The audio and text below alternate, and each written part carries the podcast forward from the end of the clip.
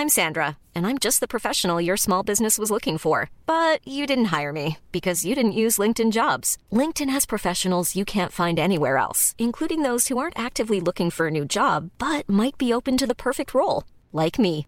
In a given month, over 70% of LinkedIn users don't visit other leading job sites. So if you're not looking on LinkedIn, you'll miss out on great candidates like Sandra. Start hiring professionals like a professional. Post your free job on linkedin.com/people today. Hi, I'm Daniel, founder of Pretty Litter. Did you know cats tend to hide symptoms of sickness and pain? I learned this the hard way after losing my cat, Gingy. So I created Pretty Litter, a health monitoring litter that helps detect early signs of illness by changing colors, saving you money and potentially your cat's life. Pretty Litter is veterinarian developed, and it's the easiest way to keep tabs on your fur baby's health right at home. Go to prettylitter.com and use code ACAST for 20% off your first order and a free cat toy. Terms and conditions apply. See site for details.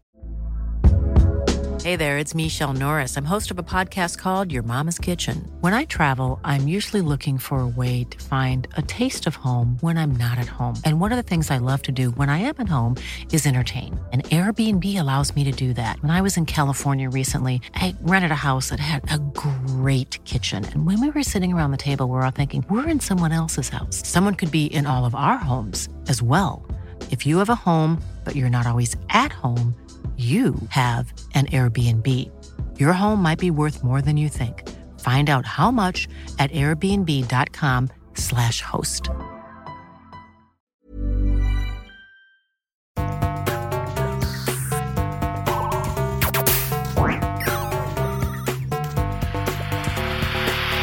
Jeg heter Sondre Risholm Livre. Jeg er psykolog, og dette er Webpsykologens podkast. Hverdagspsykologi for fagfolk og folk flest.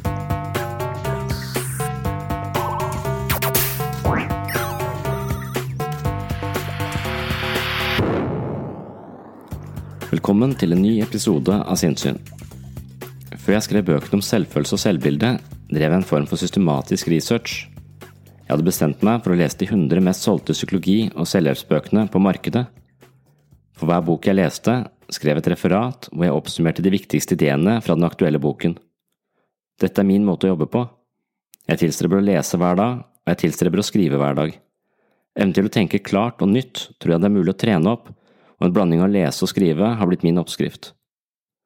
En annen viktig del av denne prosessen er å gjengi ideer på en måte som er tilgjengelig for folk flest, og gjerne litt morsomt.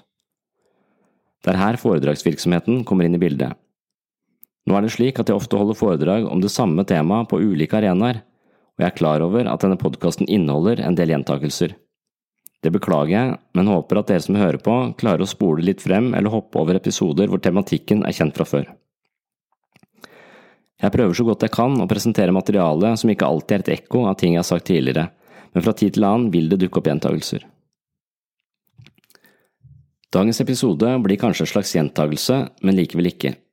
Jeg har bestemt meg for å lage noen litt kortere episoder hvor jeg presenterer de viktigste ideene fra topp 100-listen over de mest solgte psykologibøkene gjennom tidene. Jeg vil ta én bok per episode, og jeg vil forsøke å formidle hovedbudskapet i boken på en kort og konsis måte. Det finnes mange bøker som egentlig ikke hadde trengt til å ha lengden til en bok, men snarere kunne blitt formidlet i kraft av en kortere artikkel. Jeg håper dette kan være verdt å lytte til. Jeg vil fortsette å legge ut foredrag og samtaler jeg har i ulike fora, men når dette blir gjentagelser av tidligere episoder, så skal dere få slippe å høre det på nytt. Når jeg ikke har noen foredrag på gang, skal dere få disse kortere episodene med kortversjonen av interessante bøker du kanskje burde ha lest, men ikke har hatt tid til. I dagens episode skal du få boken til Better Swatch, The Paradox of Choice, gjengitt i konsentrert form. Better Swatch er en amerikansk psykolog, og han dukker ofte opp som skribent for New York Times. The Paradox of Choice kom ut i 2004. Denne boken var også utgangspunktet for et foredrag jeg holdt på en samling for rådgivere ved universitetene rundt om i Norge. Dermed er tematikken kjent fra podkasten, nærmere bestemt episode 40, som blir kalt Valgets kvaler. For deg som følger sinnssyn fast, er det altså et kjent tema, men denne bokrapportvarianten vil likevel bruke et litt annet språk på tematikken enn det du finner i episode 40. Nå er du advart. Før jeg går i gang med bokrapporten, kommer en rask intro slik jeg presenterte tematikken for en eh, kamerat i forbifarten. Og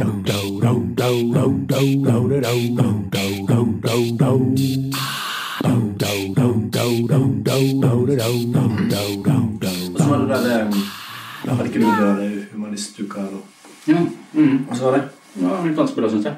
Men, um, jeg sier det bare sånn Ja. Det var mye folk. Det, ble, det var helt fullt. Så jeg tror jeg skulle, De sa det tok 300 stykker, så sto det folk langs veggen, så det var mye folk. Mm. Så moro. Hva tjener du igjen? På flukt fra seg selv og på jakt etter lykke. Det er spennende tema. Mm.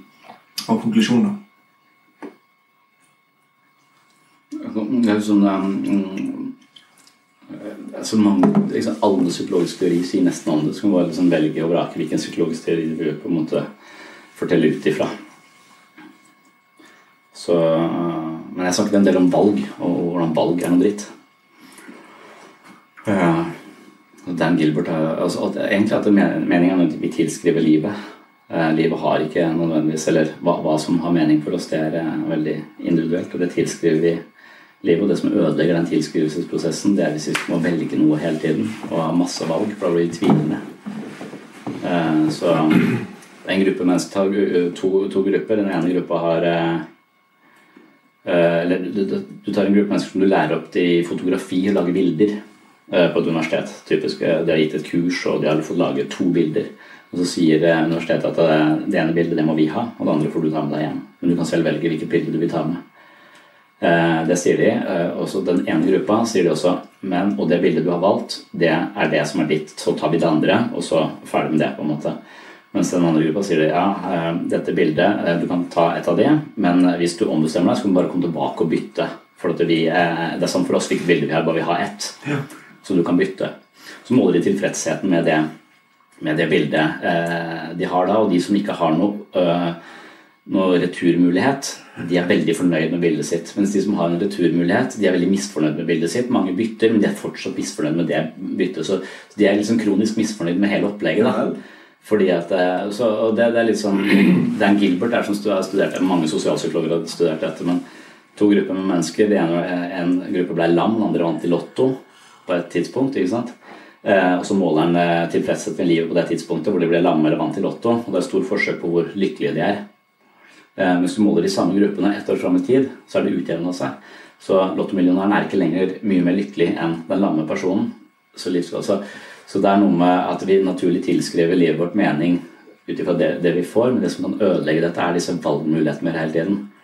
Når vi kjøper et hus og sjekker om andre hus kunne vært bedre, mm. eller når vi velger en uh, Vi dater en dame mens vi fortsatt har, er logga inn på Tinder, så kommer det 30 nye ja. forslag underveis. det er jo skikkelig god argumentasjon for å binde seg til én person resten av livet. Det er jo ja. kjempebra. Mm. Mølla, ja. ja. er skikkelig interessant uh, undersøkelse. Mm. Ja, mange sånne undersøkelser. Jeg har lyst til å snakke litt om Humanitisk Forbund, og litt kritisk til de kanskje. Eller sånn, Det der med praksis mangler de, syns jeg. Eller det vet ikke jeg, for jeg har ikke vært så mye i Humanitisk Forbund. Jeg tror det er det de, de baler litt med. da, Finne en, en slags meningsfullt innhold. Mm. Greit, de har konfirmasjon en del sånne ting, men de har det ikke så organisert som dere, f.eks. Mm. Så er her for praksis. Så at religion overhodet ikke bare er noe man enten tror eller ikke tror på. Det er kanskje vel så viktig at man har en praksis. Man praktiserer det, rett og slett. Jeg husker jeg leste den der presten og ateisten at det viktigste for han eller vanskeligst for han var at de skulle bytte Jeg skulle be. Det å slutte å be var ekstremt vanskelig ble vanskelig for han. For det var liksom en Kult. del av Jeg skulle begynne å be. Hæ? Kan ikke låne boka der? Så jeg, Ja, jo. så det, kan jeg bare legge den her, så jeg husker den til Mm. Hvor den. Den er her, ja. Det var morsomt at du trodde det var motsatt. Ja. Mm. Sikkert derfor du har gjort det sånn. ja, ja helt sikkert.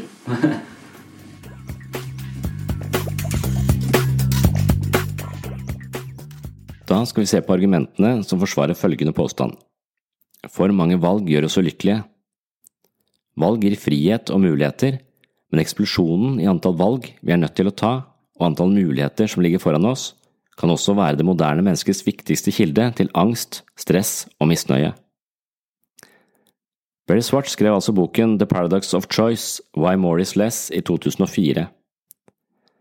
Hver dag utsettes vi for uhyre mange valg, enten vi skal kjøpe en ny bukse, bestille en kopp kaffe, ta en utdannelse, skifte fastlege eller sette oss ned på en buss med mange ledige seter, må vi ta noen valg. Noen valg er store, og noen valg er små. Moderne tider tilbyr oss stadig flere valgmuligheter. Flere valg betyr kanskje større frihet, flere muligheter og mer tilfredshet med det vi velger, mens Forts argumenterer godt for at det forholder seg motsatt. Mange valg kan få deg til å tvile. Det kan føre til urealistisk høye forventninger, og det øker sannsynligheten for at du klandrer deg selv for de feilene som begås. I lengden kan mange valg føre til paralysering, angst og stress. I motsetning til følelser som sinne, tristhet, skuffelse eller sorg, er anger en emosjonell tilstand som marter oss med det faktum at vi kunne valgt annerledes for et bedre utfall. I millioner av år har vi basert vår overlevelse på simple avgjørelser, og muligens er vi rett og slett dårlig biologisk utrusta for å håndtere den mengden valg vi utsettes for i vår tid. Boken til Svarts åpner med en demonstrasjon over alt det vi må velge i løpet av en dag. Forfatteren forteller oss hvor mange ulike typer morgenblanding det finnes i en middels stor dagligvarebutikk, hvor mange forskjellige TV-er som finnes på markedet, og hvordan det er helt umulig å gå inn i en klesbutikk og be om en vanlig dongeribukse. Ansatte på Carlings eller Big Book vet ikke hva du mener med en vanlig dongeribukse, fordi det finnes uhyre mange varianter at ingen av dem kan klassifiseres som vanlige lenger. For de fleste har livet blitt et enormt koldtbord av muligheter, og spørsmålet er om det er bra for oss. Personlig liker jeg ikke koldtbord, da jeg har en tendens til å ta litt av alt og ende opp med en dårlig sammensetning og for mye mat, men boken til Svarts er jeg begeistret for. Det gjør det tydelig for meg at vi lider under valgets kvaler. En overskrift i boken til eh, Svarts er More is less. Boken beskriver en studie hvor en gruppe studenter blir bedt om å rangere smaken på ulike typer sjokolade. Den første gruppen får utdelt en liten boks med seks sjokoladebiter, mens den andre gruppen får en stor boks med 30 biter. De som fikk den lille boksen, var langt mer fornøyd med sine sjokoladebiter enn de som fikk den store boksen. De opplevde rett og slett at sjokoladebitene smakte bedre. Dette resultatet er egentlig ganske overraskende, fordi man skulle tro at flere valg ga mer tilfredshet, eller i alle fall at de med mange sjokoladebiter skulle score enkelte biter høyere enn de gjorde. Flere studier peker i samme retning, og konklusjonen er at mennesker er mer fornøyd i situasjoner hvor de tilbys færre valg. Svart hevder videre at dette kan antyde en slags angerangst som rammer mennesker i rike land. For mange valg reduserer graden av lykke, det gir oss ikke bedre kvalitet eller mer frihet, men mer tvil, usikkerhet og grubling i destruktivt etterpåklokskap. Teknologien skulle avlaste oss, men isteden bidro den til å stille oss overfor stadig flere valg. Nå må vi vurdere hundrevis av muligheter før vi finner frem til det vi egentlig trenger. Jeg er selvfølgelig, som alle andre, personlig berørt av dette. Jeg skifter ikke telefonabonnement, selv om jeg vet at jeg ikke har det billigste rett og slett fordi jeg ikke orker å sette meg inn i alle alternativene som finnes. Hvis jeg først bestemmer meg for å skifte abonnement, bør jeg ta et velinformert valg, og det finnes så mange operatører at jeg må sette av flere timer for å finne den beste. Det har jeg ikke kapasitet eller vilje til å gjennomføre, og derfor blir jeg værende hos det samme selskapet som jeg har vært hos i ti år. Jeg er redd for at de faktisk kan doble prisen og fortsatt beholde meg som kunde, fordi jeg vil vegre meg for å skifte. Det samme gjelder forsikringer. Hvis du virkelig skal sette deg inn i alle mulighetene, forskjellene, fordelene og ulempene ved ulike typer forsikringer og ulike typer forsikringsselskaper, må du si opp jobben og engasjere deg på fulltid i flere måneder. For en stund siden var jeg innom en takeaway-restaurant som heter Subway. Jeg er på vei til bussen med litt dårlig tid. Jeg trengte en rask lunsj på veien og hadde til hensikt å kjøpe et smørbrød. Den hyggelige damen bak disken tok min bestilling, men deretter begynte hun å stille meg spørsmål om detaljene rundt maten. Til sammen måtte jeg svare på over 20 spørsmål vedrørende type dressing, grovhetsgraden i brødet, ulike varianter av salat osv. Jeg hadde i utgangspunktet veldig få preferanser, noe som gjorde det vanskelig for meg å ta de riktige avgjørelsene. Etter hvert måtte jeg bare gjette meg frem til det jeg trodde kom til å ende opp som den beste smørbrødvarianten. Jeg forsøkte også å spørre damen til råds. Hva er mest vanlig å velge, hva ville du valgt, hvilke kombinasjoner av kjøtt og dressing fungerer best sammen? Det tok lang tid, og jeg tror ikke jeg kommer til å besøke Subway neste gang jeg er på farten og trenger mat. Sannsynligvis antar denne restaurantkjeden at mange valg er tilfredsstillende for kundene, men i mitt tilfelle virket det motsatt. Svart skriver også om jobb og valgmuligheter. Her legger han frem tall som viser at moderne mennesker skifter jobb etter to til fem år. Tidligere var det vanlig å være i samme jobb gjennom en hel karriere. Det ble utdelt gullklokker for lang og tro tjeneste, noe som er mer sjeldent i dag. Vår generasjon skifter stadig beite, og det kan virke som om vi alltid er på utkikk etter noe bedre og mer lukrativt, selv om vi egentlig trives der vi er. Det er sannsynlig at slike tendenser skaper en slags rastløs grunntone som hindrer ro og tilfredshet. Dersom man hele tiden ser etter nye muligheter, går man kanskje glipp av det gode ved det man har. Det kan virke som om gresset er grønnere på den andre siden-fenomenet sørger for at vi får problemer med å slå oss til ro. Det kan kanskje fungere som en psykologisk lykketyv som sår tvil ved det vi egentlig kunne vært veldig tilfreds med. Kjærlighetslivet er heller ikke helt fritt for valg. I dag har man tjenester som Tinder og andre sosiale kanaler som sørger for at mennesker får en stor kontaktflate med potensielle partnere. Dette kan kanskje sørge for at vi velger den rette. Alternativt så sørger det for at vi aldri klarer å ta et valg og blir ensomme resten av livet. Men dersom vi likevel klarer å slå oss til ro med én partner, dukker det selvfølgelig opp enda flere valg. Skal man velge å gifte seg eller la være? Man må velge hvilken familie man skal bosette seg i nærheten av, hvorvidt man skal ha barn, og eventuelt hvem som skal være mest hjemme med barn. When you're ready to pop the question, the last thing you want to do is second guess the ring. At Bluenile.com, you can design a one-of-a-kind ring with the ease and convenience of shopping online. Choose your diamond and setting. When you find the one, you'll get it delivered right to your door. Go to Bluenile.com and use promo code LISTEN to get $50 off your purchase of $500 or more. That's code LISTEN at Bluenile.com for $50 off your purchase. Bluenile.com code LISTEN. I'm Sandra, and I'm just the professional your small business was looking for. But you didn't hire me because you didn't use LinkedIn jobs. LinkedIn has professionals you can't find anywhere else, including those who aren't actively looking for a new job but might be open to the perfect role, like me. In a given month, over 70% of LinkedIn users don't visit other leading job sites. So if you're not looking on LinkedIn, you'll miss out on great candidates like Sandra. Start hiring professionals like a professional. Post your free job on linkedin.com/people today.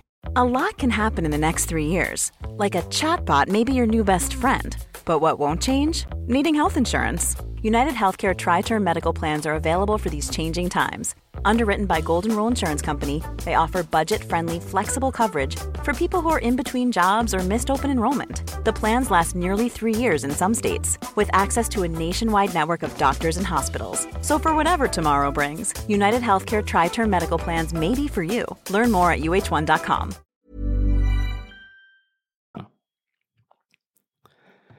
Et annet område som eh, Swatch er innom, er religion. Tidligere representerte religion en slags fasthet og stabilitet for mange. Gud er den samme uansett, og sannsynligvis søker en del mennesker mot kirken for en pause fra resten av verden som hele tiden forandrer seg og krever våre vurderinger og våre tilpasninger til nye omstendigheter. Mange adopterer foreldrenes tro og forholder seg til dette uten å stille for mange spørsmål. Det viser seg at tilhørighet i et religiøst fellesskap er en faktor i forhold til menneskers opplevde grad av lykke. Men i vår tid er det ikke eh, like sikkert at vi overtar foreldrenes overbevisninger fordi vi kommer til å møte mennesker med helt andre synspunkter. Gjennom hele menneskets historie og opp til 1900-tallet kunne en mann eller kvinne leve et helt liv i sin eh, lokale virkelighetstunnel uten å støte på forstyrrelser. I dag kolliderer vi hele tiden med mennesker som lever ifølge helt andre perspektiver enn oss selv og for noen fører det til eh, fiendtlighet, for andre skaper det etiske dilemmaer, noen blir metafysisk forvirra, og stadig flere risikerer å bli gradvis desorienterte, og situasjonen gir oss åpenbart flere valgmuligheter. I dag kan du velge hvilken gud du skal tro på, og bare det faktum at man har en valgmulighet på dette området, kan vel anstifte en del tvil i de fleste av oss. Moderne mennesker kan velge sin identitet. De kan konstruere og rekonstruere sitt offentlige selv i sosiale medier. Før var vi i langt større grad bestemt av en del fastlåste faktorer. Familiebakgrunn, etnisitet og tilhørighet i en bestemt samfunnsklasse fortalte mye om et menneske, men i dag kan man ikke anta noe som helst på bakgrunn av slike forhold. Poenget til Swatch er at faktorer som tidligere var relativt stabile parametere, som vi ikke kunne gjøre så mye med, har blitt omgjort til valg. Fordelen er mer frihet og mindre sosial determinisme som skaper urettferdig fordeling av goder. Folk er ikke lenger fastlåst til sin bakgrunn, men står fritt til å velge sin egen kurs. Dessverre har medaljen også en bakside. Det er ikke sikkert at mennesker er så gode til å ta valg, og det er én av ulempene ved flere valgmuligheter. I møte med mange valg kan vi lett ta feil. Konsekvensene av feil valg er ikke alltid så store, men noen valg kommer til å forme resten av livet vårt. Flere muligheter gir større sannsynlighet for å trå feil, og mange kommer til å tenke som følger. Hvordan kunne det gå så galt når jeg hadde så mange muligheter? Her er det spesielt tre psykologiske forhold som spiller inn, ifølge Svarts. Hvert valg krever mer innsats. Vi bruker mer tid og opplever at det er mer på spill noe som gjør valgprosessen mer anstrengende. Det er større sjanse for å gjøre feil. De psykologiske konsekvensene av feil er større fordi vi lett klandrer oss selv. En annen overskrift i boken til Svarts er eh, Når bare det beste er godt nok. Rent matematisk øker sjansene for å gjøre feil i møte med flere alternativer. Når dette er situasjonen, og vi i tillegg må velge stadig mer i løpet av en dag, er det en bedre strategi å søke etter godt nok enn det beste. I denne sammenhengen deler Swatch inn mennesker i to kategorier. Det er såkalte maksimerere, maximizers, og de mer tilfredse, satisfiers. Maksimerere er altså de menneskene som ikke slår seg til ro med nest best. De må ha det beste i enhver situasjon. Det krever at de vurderer ethvert valg svært nøye, kalkulerer alle faktorer, grubler over mulige og umulige utfall før de velger. Det kan bety at de prøver 15 gensere i en butikk før de kjøper noe, eller er sammen med 15 partnere før de etablerer seg. Etter at de har tatt et valg, martres de også av tvil. Skulle jeg gjort det annerledes? Denne postvalgtvilen sørger for at de ikke er så flinke til å sette pris på det de har. De som Svarts karakteriserer som mer tilfredse, har evnen til å slå seg til ro med godt nok uten å dvele ved valg de har tatt.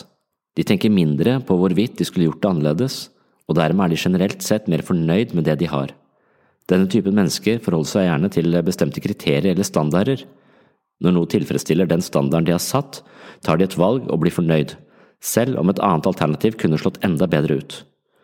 Med andre ord bruker de ikke unødvendig mye kapasitet på å lete etter bedre muligheter. Svarts neste spørsmål er interessant. Er det slik at maksimerere tar bedre valg? Dette studerte Svarts en god stund, og kom til at svaret var både ja og nei. De tar bedre valg rent objektivt sett, men subjektivt sett er svaret nei. Det vil si at energien de bruker på å velge, fører til gode valg, men selv om de har gjort det objektivt sett beste valget, er de mindre lykkelige enn de som nøyer seg med godt nok.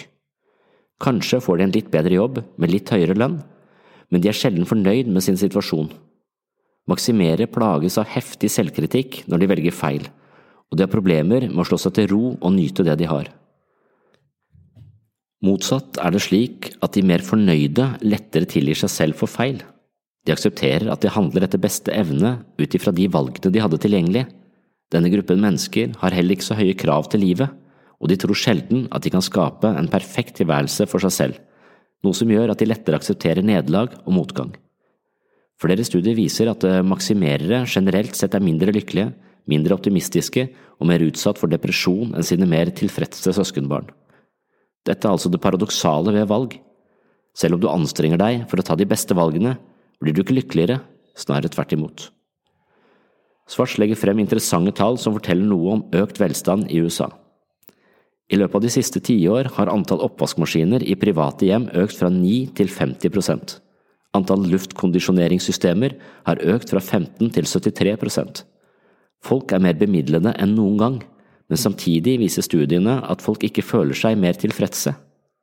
Psykologisk velstand, eller lykke, er altså ikke forbundet med materielle goder, men betinget av nære og gode relasjoner til familie og venner.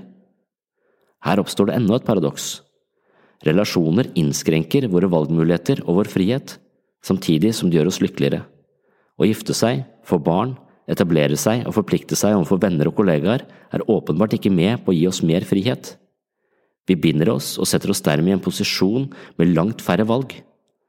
Når man gifter seg, kan man ikke lenger velge fritt mellom flere romantiske partnere, og hva vi kan velge å bruke fritiden til, blir kraftig redusert når man får barn. Likevel er det denne typen forhold som øker folks opplevelse av å være lykkelige. Det må altså bety at lykke er forbundet med å ha mindre frihet og færre valg, ikke mer. Derfor har tittelen på boken til Svarts fått eh, følgende undertittel Why More Is Less. Kanskje er det slik at eh, all den energien vi bruker på å velge i løpet av en dag og et liv, er misbruk av energi. Kanskje vi bør tilstrebe å investere litt av denne energien i våre relasjoner, og heller ta litt lettere på alle valgene som møter oss. Svart siterer en studie som sier at 65% av deltakerne ønsket kontroll over hvilken type behandling de mottok dersom de fikk kreft. Når de spurte menneskene som faktisk hadde kreft, svarte 88% at de ikke ville ha noe valg i forhold til behandlingen. Vi tror vi vil ha valg, men når vi faktisk får det, oppdager vi at det er mer belastende enn frigjørende. Et annet stikkord i boka til Berry Swatch er sammenligninger. Han mener rett og slett at sammenligninger er et onde. Flere valg kan føre til at vi vegrer oss for å velge i det hele tatt. Dersom vi stilles overfor to attraktive tilbud, er det sannsynlig at vi ikke kjøper noe som helst.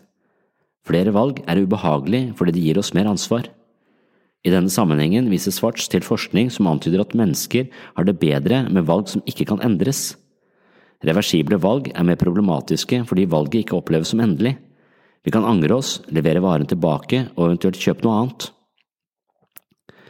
Når valget endelig er tatt, er det likevel ikke tatt, men krever at vi fortsetter å evaluere beslutningen. Tvilen hjemsøker oss og krever vår oppmerksomhet i ambivalensens tjeneste. Når vi tar et valg som ikke kan omgjøres, legger vi all vår psykologiske kraft bak valget og supplerer med argumenter som rettferdiggjør nettopp dette valget. Det er lettere å slå seg til ro. Dersom man for eksempel har litt fleksible tanker om at ekteskapet ikke nødvendigvis skal vare livet ut, er det større sannsynlighet for skilsmisse. Tenker man at ekteskapet er en livslang forpliktelse og anser skilsmisse som uaktuelt, har man tatt et valg man må forholde seg til, og det er større sjanse for at man jobber hardere for å få det til å fungere. Det er også større sjanse for å trives i ekteskapet fordi man ikke bruker ekstra energi på å lure på om man valgte rett partner, og man kaster ikke bort krefter på å vurdere andre potensielle kjærester opp mot den man har. TV og internett har åpnet en ny verden for sosial sammenligning. Tidligere bodde man kanskje i et lite nabolag og var rimelig fornøyd med det man hadde. Husene i gata var omtrent like, og det var ikke så stor forskjell på folk i samme strøk. I dag utsettes vi for ekstreme mengder informasjon om andres liv og deres grad av suksess og velstand. Det gir oss enorme muligheter for å sammenligne oss med andre, og ifølge Svarts fører dette til sjalusi, fiendtlighet, stress og lav selvfølelse. Han kaller fenomenet for upward comparisons. Motsatt kan vi sammenligne oss med mennesker som har mindre enn oss selv og er dårligere stilt, det kalles downward comparisons. Det kan gjøre oss takknemlige, oppmerksomme på alt det gode i eget liv og kanskje anspore oss til medfølelse med de som lever i vanskeligere kår. Slike sammenligninger kan styrke vår selvfølelse og dempe angst. Mange selvutviklingsbøker anbefaler oss at vi skal tenke over gode ting i eget liv hver morgen, og at vi skal sette våre problemer inn i et større perspektiv. Setter man hverdagsproblemer inn i en større kontekst, eller sammenligner dem med folk som har langt verre utfordringer i livet, kan det skape en følelse av glede og takkskyldighet. Sjalusi, irritasjon, stress og misnøye er følelser som øker blodtrykket og skaper et anstrengt forhold i hele kroppen. Over lengre tid kan et slikt psykologisk klima føre til en rekke symptomer, både fysiske og psykiske. Forskning viser at takknemlige mennesker er friskere, lykkeligere og mer optimistiske. Ettersom flere valg fører til flere muligheter for sammenligning, er oppskriften på et bedre liv ganske enkel og todelt. Gjør valgene du tar irreversible, stå fast ved det du velger. Sett pris på det du har, hver dag.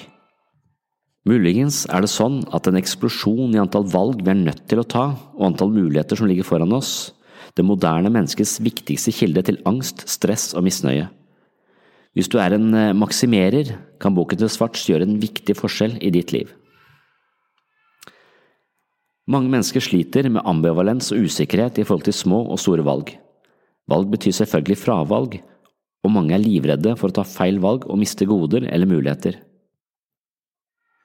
Susan Jeffers har skrevet en bok om eh, frykt, og hun foreslår at frykt er en indikator på vekst og utvikling. Hun mener at vi må se på frykt som en nødvendig ledsager til livet. I forhold til frykt for å ta valg, eller frykt for å ta feil valg, er hun rett på sak. Slutt å tro at det er én riktig og én gal måte å gjøre noe på. Verden er full av endeløse muligheter for å nå våre mål. Hvis du tror at hvert valg er altavgjørende i forhold til en tenkt fremtid, blir du en slags fryktsom fange i ambivalensens klør. Kirkegård sier at angst er det som oppstår i sekundene før man tar et valg.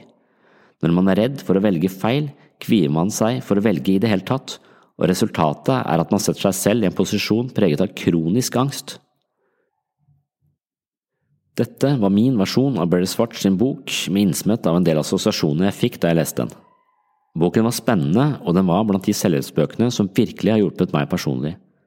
Jeg har selv begynt å tenke annerledes rundt valg, og blitt mye flinkere til å velge uten å tvile i etterkant. Jeg skjønner at tvil er en følelse som slekter på angst og genererer usikkerhet, og betrakter den som en fiende jeg kan overvinne ved å endre fokus i tråd med Svart sine anbefalinger.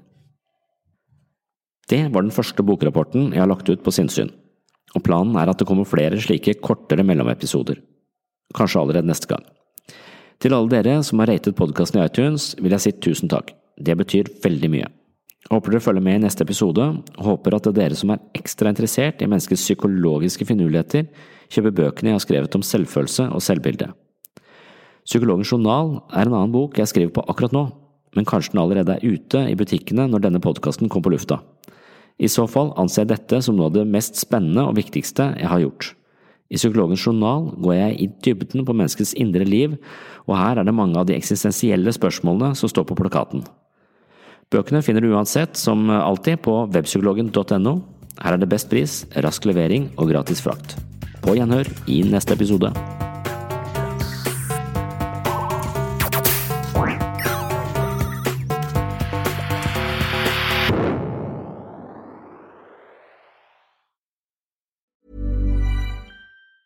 Planning for your next trip? Elevate your travel style with Quince. Quince has all the jet setting essentials you'll want for your next getaway, like European linen, premium luggage options, buttery soft Italian leather bags, and so much more. And it's all priced at 50 to 80% less than similar brands. Plus, Quince only works with factories that use safe and ethical manufacturing practices. Pack your bags with high-quality essentials you'll be wearing for vacations to come with Quince. Go to quince.com slash trip for free shipping and 365-day returns. Mom deserves the best, and there's no better place to shop for Mother's Day than Whole Foods Market. They're your destination for unbeatable savings, from premium gifts to show-stopping flowers and irresistible desserts. Start by saving 33% with Prime on all body care and candles. Then get a 15-stem bunch of tulips for just $9.99 each with Prime. Round out Mom's menu with festive rosé, irresistible berry chantilly cake, and more special treats. Come celebrate Mother's Day at Whole Foods Market.